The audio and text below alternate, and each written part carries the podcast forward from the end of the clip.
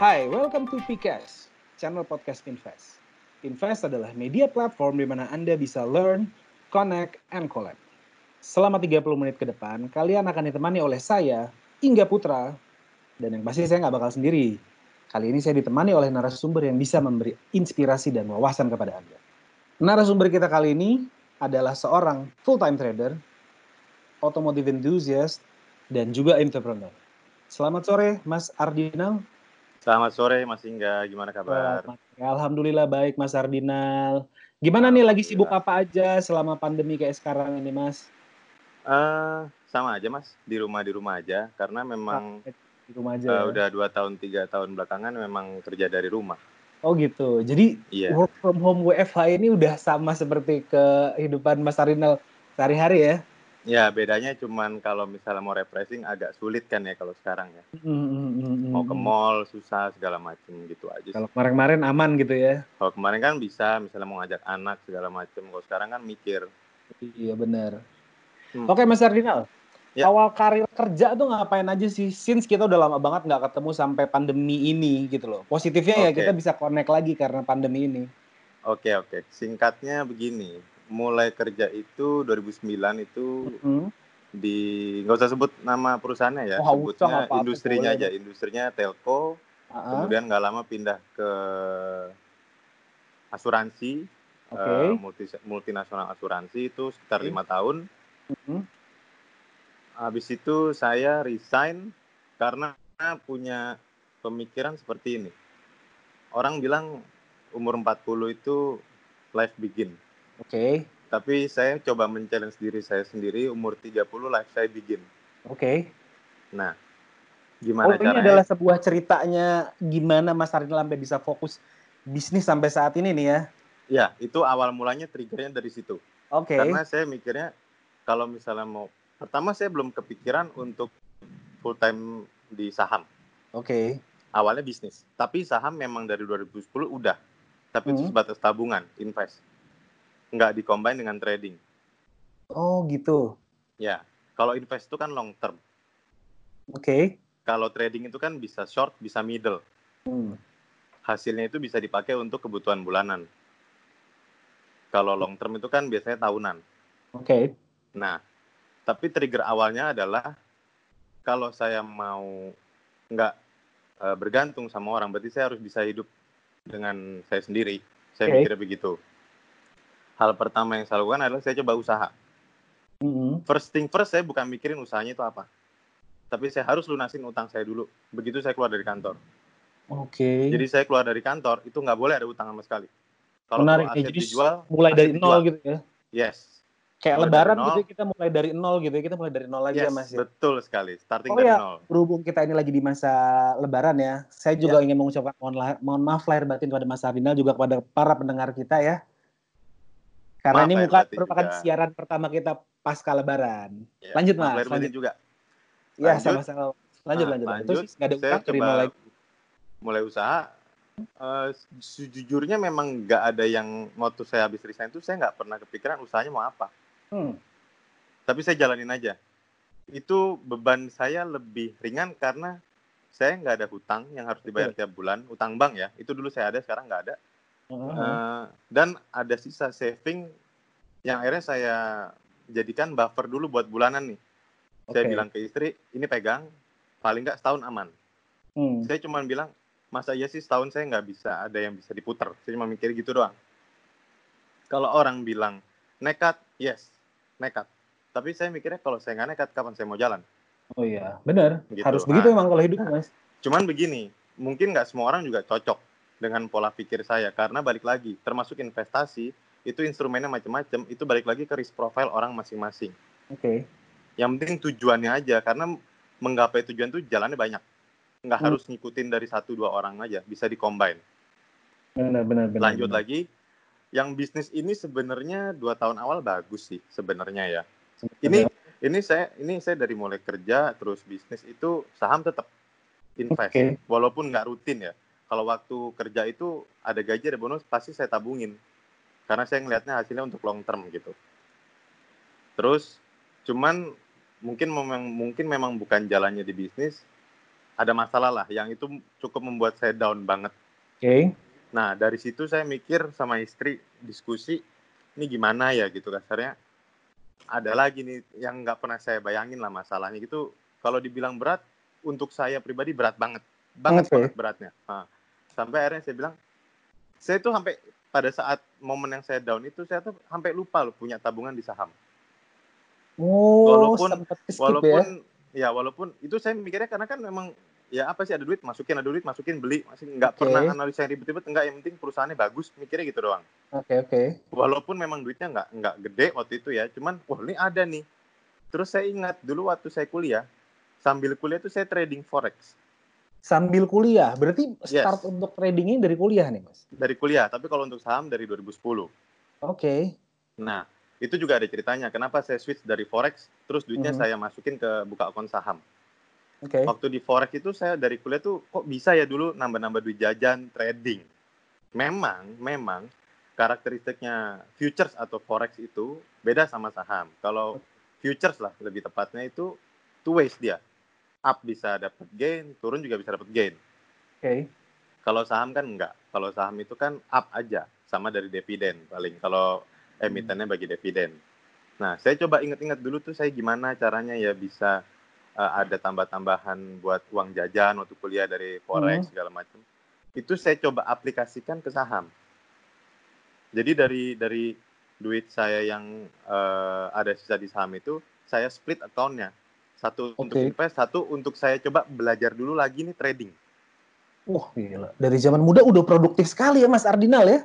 Itu ini uh, sebenarnya tidak terpikirkan untuk produktif, tapi uh. gini, nggak tahu sih, ini nggak tahu ini klise atau gimana, tapi saya suka uang dan saya suka cara cepat dapat uang. Jadi pola yeah. pikirnya begitu, kan kasarnya orang banyak yang ngelihat gitu ya uh, apaan duduk-duduk doang trading dagang angka dapat duit segala macem kalau menurut saya ya itu itu bukan hal yang salah hmm, itu juga menurut saya juga nggak ngerugin orang lain nggak ganggu orang lain juga oke okay. menurut saya gitu ya beda kan kalau kayak yang kemarin saya usaha niatnya apa eh di ini juga sama orang film hmm, ya benar, itu benar, benar. hal seperti itunya kalau di bidang ini itu bisa saya katakan nggak ada okay. karena kita perangnya sama diri kita sendiri yang bikin benar. kita loss ya diri kita sendiri. Yang bikin kita untung diri kita sendiri juga. Benar benar benar. Setuju. Gitu.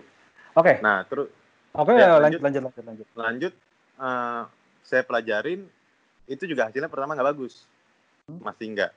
Jadi lumayan tuh 2000 2017 itu sempat saya dapat gain yang cukup membanggakan lah ya kasarnya ya. Oh, Tapi nih? abis itu dibantai.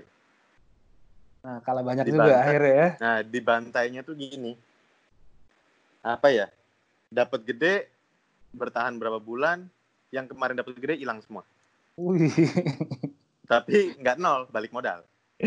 Oke, okay, oke, okay. benar benar Kondisi itu aja shock. Kasarnya apa kenapa nih gitu? Kenapa? Oh gila nah, nih kok bisa sih gitu ya, kayak gitu kali ya.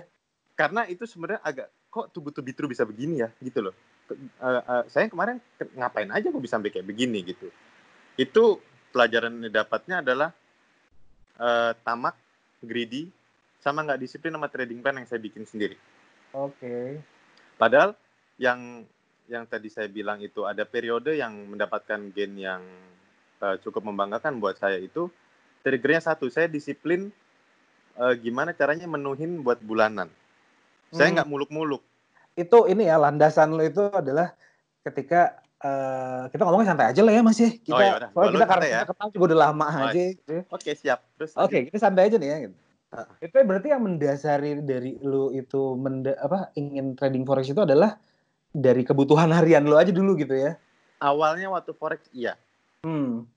Ah, kayak ada pengen ah, malu lah ya kalau minta bonyok mulu gitu.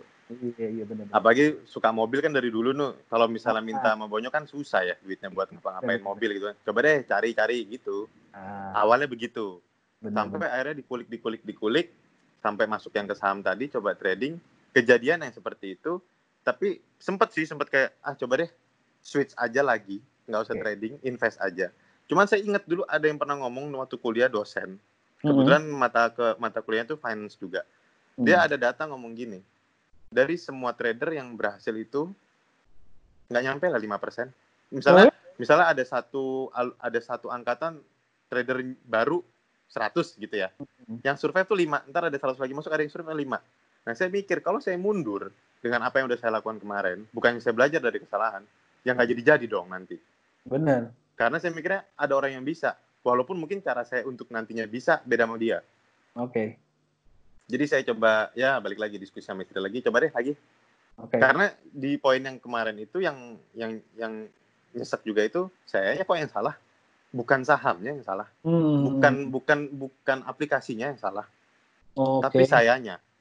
Emang dari yang human ya, human error ya, berarti bukan dari human sistemnya. Error. Jumawa itu itu itu Jumawa yang iya, me Jumawa. memang memang kata-kata lawan terberat lu adalah diri lu sendiri itu emang bener banget. Dan di yeah. sini itu banyak kalau misalnya emang mau fokus di sini itu sebenarnya banyak pelajaran hidup yang bisa didapat. Bener, banyak bener. banget sebenarnya lo disiplin berhemat, saving, eh, nggak uh, tamak, nggak greedy, hmm. itu itu itu jujur saya ngerasain susah banget dan sampai sekarang masih belajar untuk ngontrol itu. Oke. Okay. Sampai sekarang masih suka aja ada nakal-nakalnya dikit. Kalau gue tarik lagi nih ya, uh, menurut lo pandangan tentang dunia saham dan forex di Indonesia tuh gimana sih? Kalau menurut gue pribadi, ya.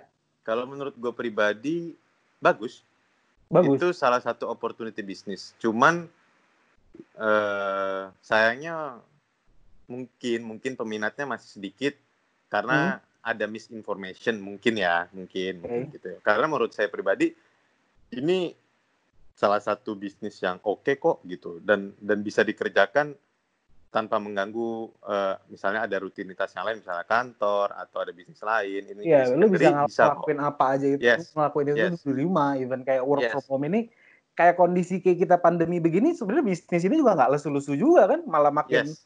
naik malah ya Iya, nah kalau di masa pandemi seperti ini pandemi yang sekarang ini kan virus mm -hmm. ujung-ujungnya kan mempengaruhi ekonomi ya bisa jadi krisis misalnya kan ya nah kalau di masa krisis itu harusnya itu opportunity untuk di market. Gitu.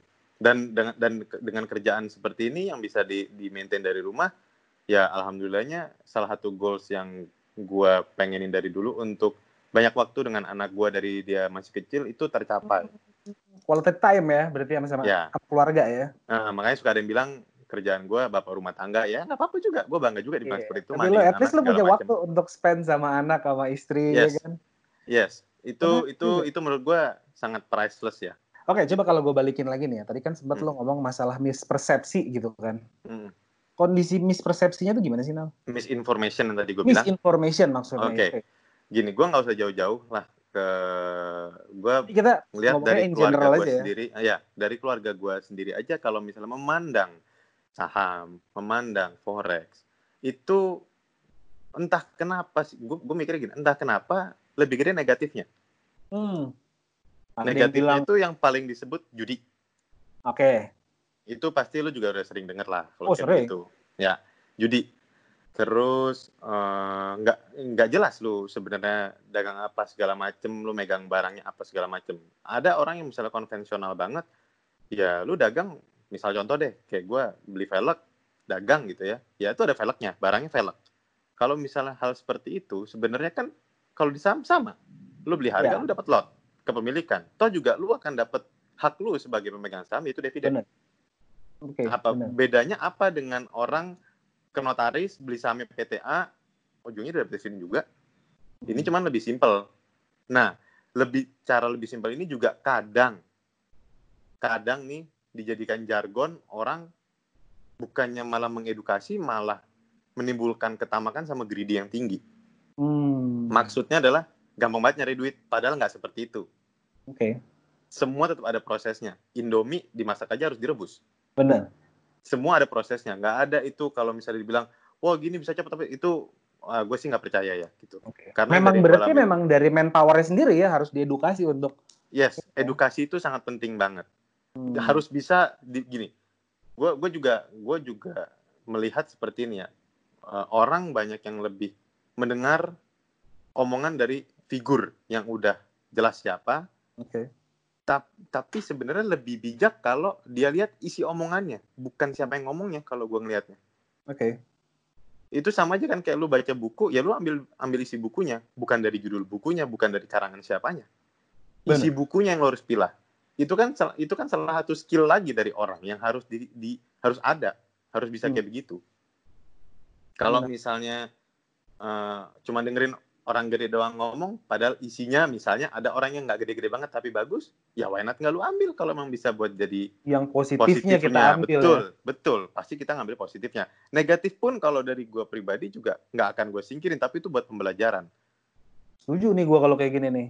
Jadi gitu. lo, oke okay, oke okay, oke, okay. setuju gue, setuju gue. Nah, terus balik kalau ke soal trading nih ya. Hmm.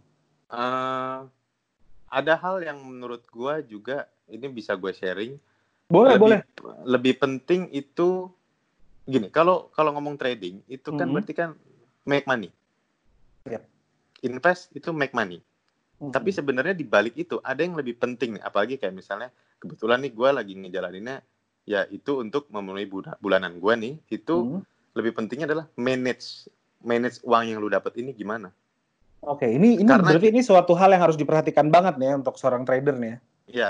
Itu salah satu ilmu di financial planner kalau gue nggak salah ya. Jadi uh, selain lu hebat dalam atau bisa make money, entah itu lu sebagai karyawan atau bisnis atau lu trading, whatever lah pokoknya make money, itu lo harus bisa manage uang yang lu punya dan lu harus tahu uh, uang itu yang lu dapat itu keluarnya ke mana aja.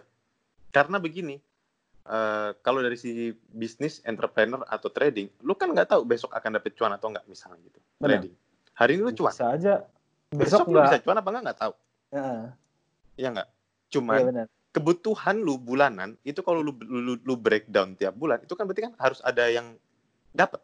Ya. Misalnya sebulan 10 juta deh misalnya gitu. Bagi 30 Konsisten hari gitu atau ya, bagi bagi ah, bagi 20 hari deh misalnya gitu. Mm -hmm. Hari kerja berapa? kan lu nggak gua gua gua ngom gua nggak ini ya gua gua bilang nggak bisa lu yakin pasti tiap hari dapat oke. Okay. yang yang bisa dilakukan adalah uh, setiap dapat keep. Itu tadi trading plan pentingnya. Sama pas udah dapat uang gimana cara ngontrolnya nih? Cost living lu juga harus lu perhatiin juga. Kalau lu hmm. tradingnya makin gede cost livingnya makin gede juga menurut gua sama aja capek. Hmm. Karena ada masa-masa lu nggak bisa trading. Kalau gue ngalamin seperti itu. Ada masa-masa gue diem doang, cuma yang invest doang, nggak bisa trading, ada. Kayak kemarin misalnya awal-awal pandemi, mm -hmm. ISG drop segala macem, jujur itu gue nggak bisa trading. Mati gaya tuh ya berarti saat itu Itu ya? ibaratnya kayak nangkep jarum jatuh aja, gue nggak berani. Hmm. Berarti kan ada ada waktu kosong yang gue nggak produktif kasarnya. Terus kalau ditanya, terus bulanan lu gimana? Ya dari dari kemarin cara manage gua uang yang udah nah, gua dapat. iya bener tuh. Itu. Kalau nggak kayak gitu pusing. Karena gue pernah ngalamin di kondisi yang pusing itu. Ibaratnya kayak uang emergensi kali ya itu ya. Iya. Jadi gini, kalau gue bikinnya itu uh, bini gue, gue gue suruh bikin tuh kasarnya kita harus harus harus apa namanya uh, tahu kos kosnya bulanan keluarga kita ini yang utamanya tuh apa? Yang kasarnya harus gitu. Itu dulu yang gue penuhin. Kalau misalnya ada lebih dari itu, dari yang misalnya kos bulanannya 5 juta, misalnya gitu ya, gue lihat sih angka-angka gampang nih 5 juta, terus bulanan kan berarti kan kalau mau wajib kan 5 juta juga nih. Ya. Bro. Nah, hmm. cuman misalnya dapat lagi pas dapat 10 juta, 5 jutanya jangan lu belanjain. Lu keep dulu. Keep aja, tapi itu dibagi percentage. Misalnya, oh ini buat jalan-jalan berapa persen dari 5 juta, ini buat beli baju berapa persen. Itu kumpulin aja dulu, gituin. Sama buat dana dana cadangan berapa persen ntar putar lagi dapat duit. Jadi yang pen, yang penting tujuannya adalah si kos utama lu ini harus achieve dulu, dulu. terus. Yes. Dan oh, di sis, misalnya uh, income-nya dapatnya lebih dari yang bulanan butuhkan. Kan tadi kan kayak gue bilang sisanya itu kan di percentage lagi tuh dibagi-bagi lagi tuh. Beberapa poin lagi kayak misalnya buat belanja buat jalan-jalan buat dana darurat. Ya, ya kan? intinya uang nah, itu sebelumnya lu manage dulu gitu ya biar yes, bulan depan di dana darurat lo nggak kelimpungan the nextnya gitu bener kan? bener karena begini, dalam trading itu psikologis itu penting banget. Benar. Kalau lu dikejar-kejar mulu nih, gimana lu mau tenang? Gimana lu mau fresh mikirnya? Iya, setuju tuh gua. Gitu. Bahkan eh, apa namanya waktu kemarin gua pertama mulai yang mau coba lagi trading saham itu di luar yang invest, gue jual aset kan itu kan salah satu yang nyambung sama omongan gue tadi biar gue nggak nggak pusing aduh gue harus besok udah harus nyari bulanan lagi nih hmm. yang penting bulanan aman dulu nih setahun. Jadi yeah. gue bisa mikir gue bisa mau usaha apa mau mau beli saham apa segala gitu. Jadi itu harus lu mikir dulu. juga nggak ada beban pikiran apa apa apa lagi gitu kan? Iya benar kalau misalnya kayak dikejar banteng terus nih trading iya, pusing buat juga pusing, pusing. Beneran pusing. Coba itu deh, di itu di itu di masa yang lagi bisa trading. Kalau lagi nggak di masa trading gimana? Coba. Iya. Oke Renal nih. Gue coba pengen ya. tanya lo Nal. Hmm. kita kan nih kalau namanya trading kan masih kita ada profit ada loss yes di luar dari yang kasus pandemi ini nih ya gitu ini kan salah yes. satu kasus pandemi yang lo alamin yang kita lagi alamin hmm. sebelum dari itu lo pernah gak sih lo ngalamin ketika lo lagi trading lo tiba-tiba lo rugi banget gitu men oh pernah pernah gini pernah. dari Terus? forex pernah dari for okay. dari forex itu uh, gue dapat 60 juta dalam lima menit hilang 60 juta pernah Wih. Itu saksinya bini gue sendiri sama teman gue. Itu gue trading di rumah teman gue waktu zaman kuliah. Nah, hmm. eh, bini gue itu belum jadi bini gue ya, masih pacaran. Pacar. Terus Nah, Sekarang waktu udah jadi mantan udah, pacar. Udah jadi ibunya anak-anak. ya. lanjut, lanjut, lanjut. Terus uh, di di forex pun pernah modal awal dulu kan micro account tuh dulu ya gue ya forex itu 15 juta hilang seminggu 15 juta pernah. Waduh. Oke, okay, terus lo strategi kalau yang kalau yang saham hmm. loss ter terbesar gue itu bentar belum lama juga sih kayaknya sih 2017an itu yang pas gue lagi belajar trading itu okay. kayaknya hilang Avanza baru deh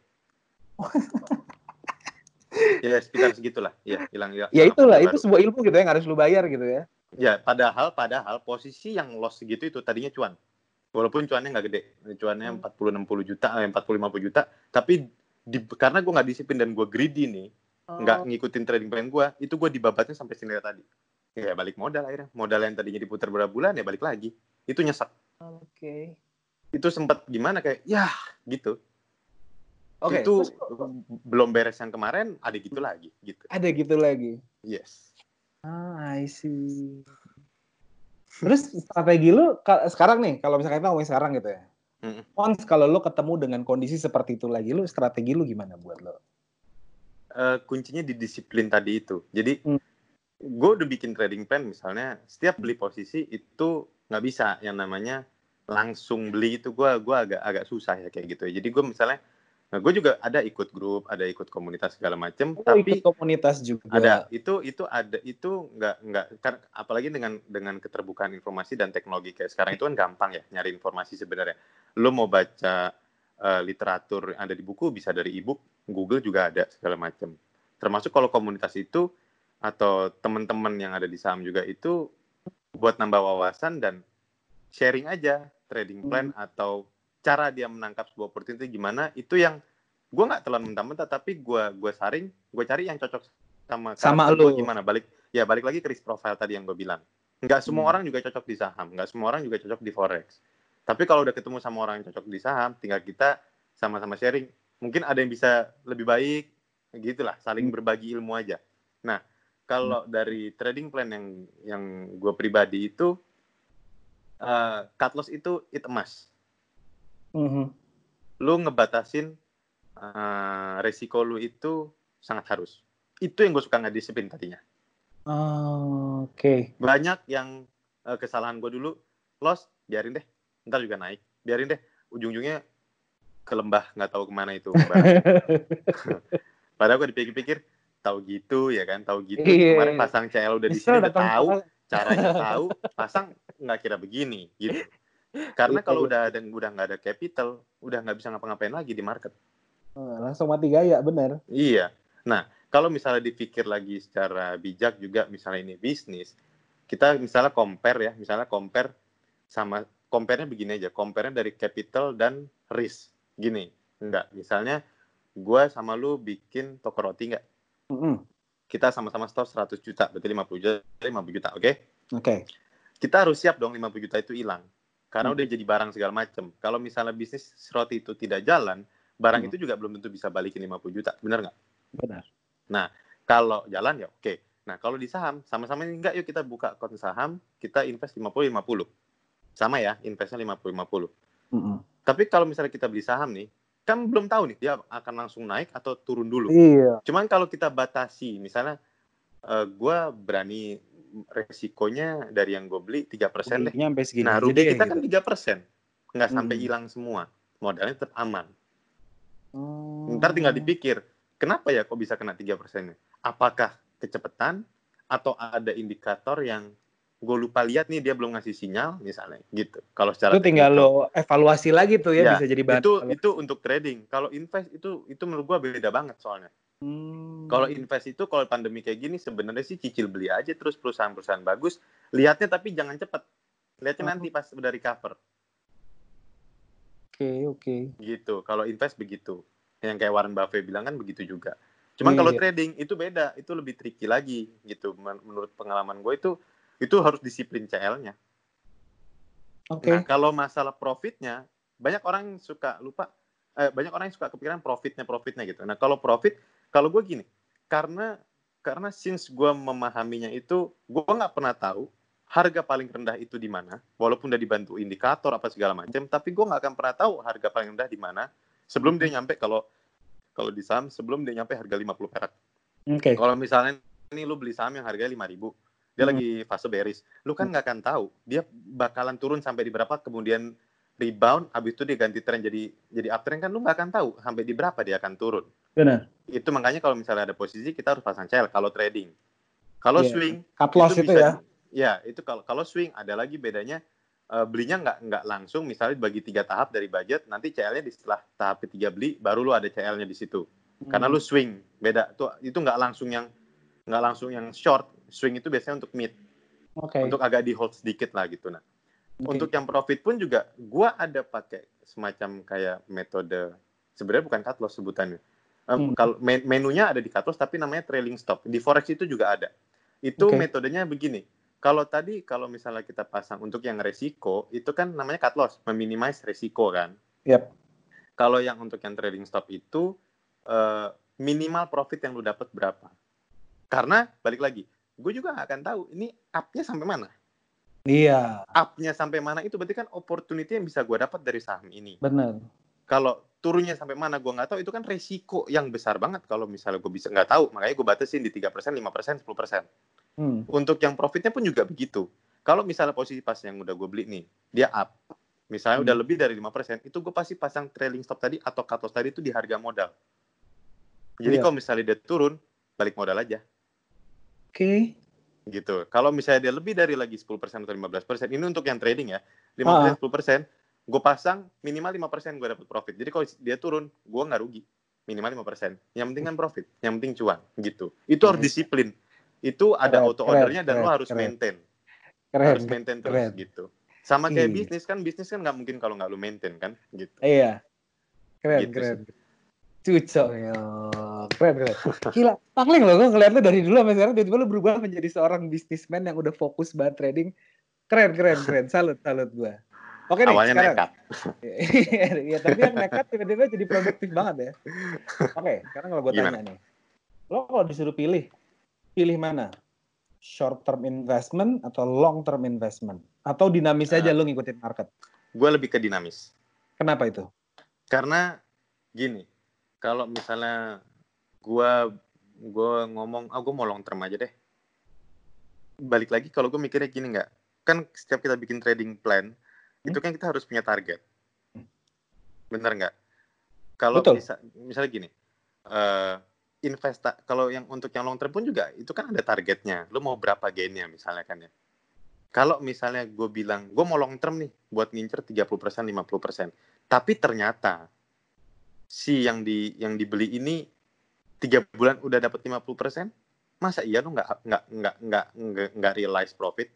Iya benar ujungnya gue jadi nggak long term dong hmm. that's why gue lebih milih ke dinamis yang penting target sama trading plan ke situ kalau gue karena gue karena gue bener-bener nggak bisa tuh namanya baca ini arah market tuh ntar pasti ke mana itu nggak ada bisa, makanya, bisa bisa bisa ya makanya kayak misalnya ada fixed return atau segala macam itu gue agak bingung juga sih gitu jadi lu lebih pilih dinamis ya dibanding dinamis. Kalau gue gue lebih ke dinamis. Yes, ngikutin aja. Yang penting pakemnya di trading plan karena kan ada hal-hal yang nggak bisa kita kontrol, termasuk pergerakan harga. Tapi kita bisa kontrol duit yang kita kelola dengan trading plan kita tadi. Itu aja. Kuncinya tadi lagi ya lo gimana cara lo harus manage keuangan lo pada saat manage keuangan lo dan trading plan lo betul. Udah itu. Itu harus disiplin. Itu aja ya belajarnya waduh dulu waktu masih gua waktu gua masih ngerokok nih uh, pas gue menjalankan yang tadi itu yang tight policy itu yang apa kos bulanan dapat duit mm -hmm. harus gimana segala macam gue mau beli rokok sebatang nggak bisa coy oh iya karena lo udah lo udah harus strict sama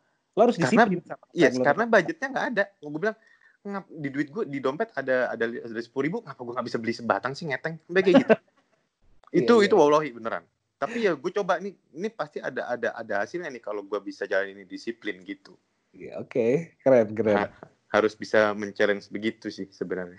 Nah, sekarang gini, kita kan tadi kita udah ngomongin ini ya. ngomongin trading nih kita udah nih. Sekarang boleh dong kita bahas hobi, Apa hobi, nih? hobi. Hobi. Oh, hobi, kan, hobi yang mana nih?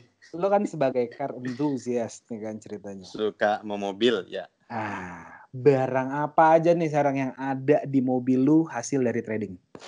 Hmm, velg, terus audio, audio uh, body kit uh, body okay. kit nah body kit tuh kalau yang yang ceritanya sorry, paling sorry, berkesan dikit ya ya ya, ya. gua ini punya kawan yang ternyata dia kenal sama lo ya Siapa? kan? Adalah itu nggak boleh dikasih tahu namanya. Oh, confidence nah, rahasia nih. Menurut dia mm-hmm. body kit lo itu adalah body kit yang tidak jarang eh maksudnya yang jarang banget orang punya. Dan uh, lo ah. lo harus lo harus siapa sih? order satu-satu kiri dulu kanan dulu belakang dulu. Itu benar nggak tuh? Uh, bener. Itu siapa ya? Tidak lah pokoknya. Sampai okay, sekarang dikit. Itu itu susah. Memang ya kayak berapa bulan empat bulan apa enam bulan gitu ngordernya sampai itu lo mendapatkan dari trading lo itu iya Gila. waktu itu kalau nggak salah dapetnya trading ya sama IPO Oke. Okay. Combine, combine. Nah terus ya pokoknya intinya gini, gue komit sama bini gue intinya uh, yang penting bulan aman, terus yang tadi dibagi variabel lain tadi udah aman juga, ini boleh ya gitu. Ya, ya buat, buat inilah buat buat hadiah gue juga kasarnya gitu. Iya iya iya. Nah sekarang gue tanya, apa cita-cita lo yang belum sampai di mobil sampai saat ini? Hmm, kalau pengennya sih mudah-mudahan ada rezekinya nambah ya bikin bikin bikin mobil baru lagi gitu ya. Cuman kalau yang untuk sekarang kalau yang sekarang sebenarnya ada, tapi okay.